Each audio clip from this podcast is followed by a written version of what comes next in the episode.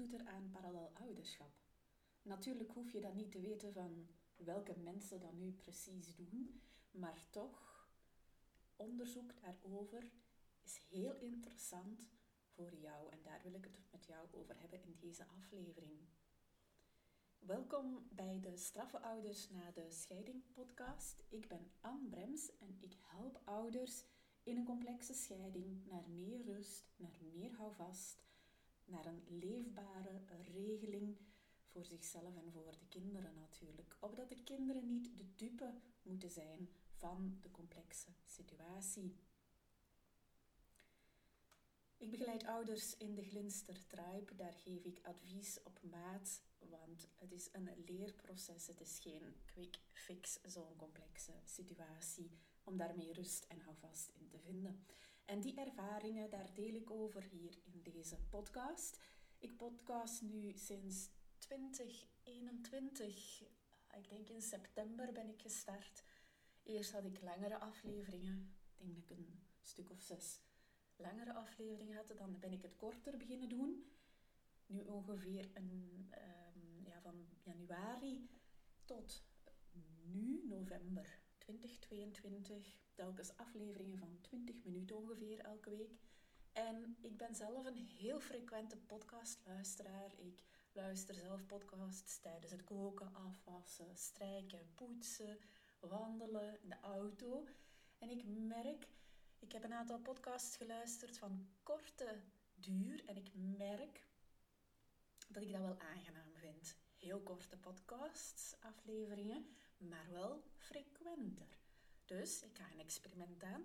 In plaats van iedere week een podcast van 20 minuten, ga ik nu meerdere keren per week een kortere podcast aflevering doen. Ik ga dat eventjes volhouden om te kijken wat het geeft. Ik ben heel benieuwd natuurlijk naar jouw gedachten hierbij. Die kan je altijd met mij delen. Ook na het beluisteren van wat we dadelijk gaan bespreken op info.glinster.co. Ja, hoeveel ouders, denk jij, doen aan parallel ouderschap na de scheiding? Dus procentueel gezien.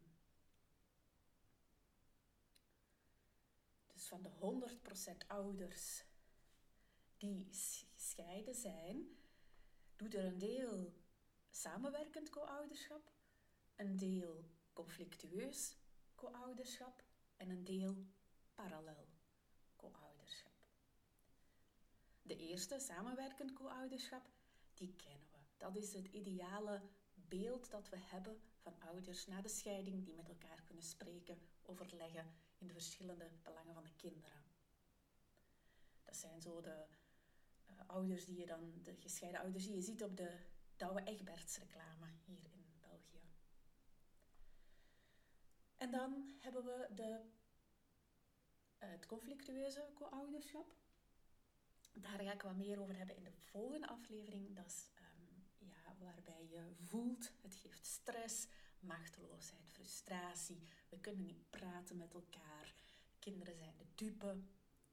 Dus dat, dat, dat, dat is dat conflictueuze, dat is die complexe scheiding. En dan hebben we de derde, dat is het parallel co-ouderschap. Dat is wanneer beide ouders een minimum aan contact hebben, een, een minimaal, nee, Ehm, het contact tot een heel erg minimum gaan beperken.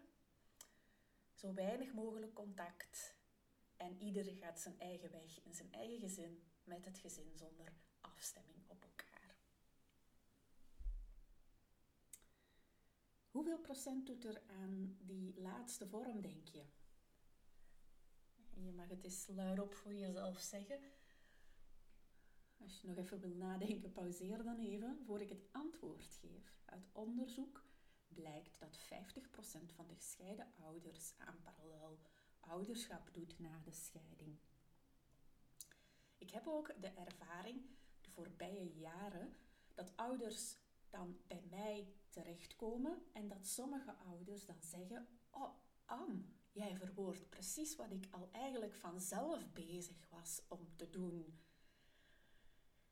En dat is ook zo. Ik ken ook mensen in mijn omgeving die dat al heel lang doen, zonder dat ze beseffen dat ze parallel ouderschap doen.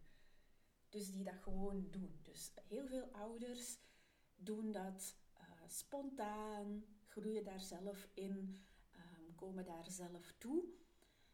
Maar het is niet altijd gemakkelijk om daar vanzelf toe te komen, want soms kan de situatie zo complex zijn dat dat niet vanzelf lukt om in dat parallel ouderschap terecht te komen. En tenslotte het laatste idee. Parallelouderschap wordt vaak gezien als een derde rangs ouderschap na scheiding. Zo van, als, als, alle, als alle andere methodes niet lukken, ja, dan moeten we maar parallelouderschap doen. Alsof dat, dat het slechtste is wat dat je kan doen voor de kinderen. Niets is minder waar. Je faalt niet als ouder als je parallelouderschap doet. En of dat dan nu het slechtste voor de kinderen is, daar ga ik het met jou over hebben in de volgende aflevering. Tot dan!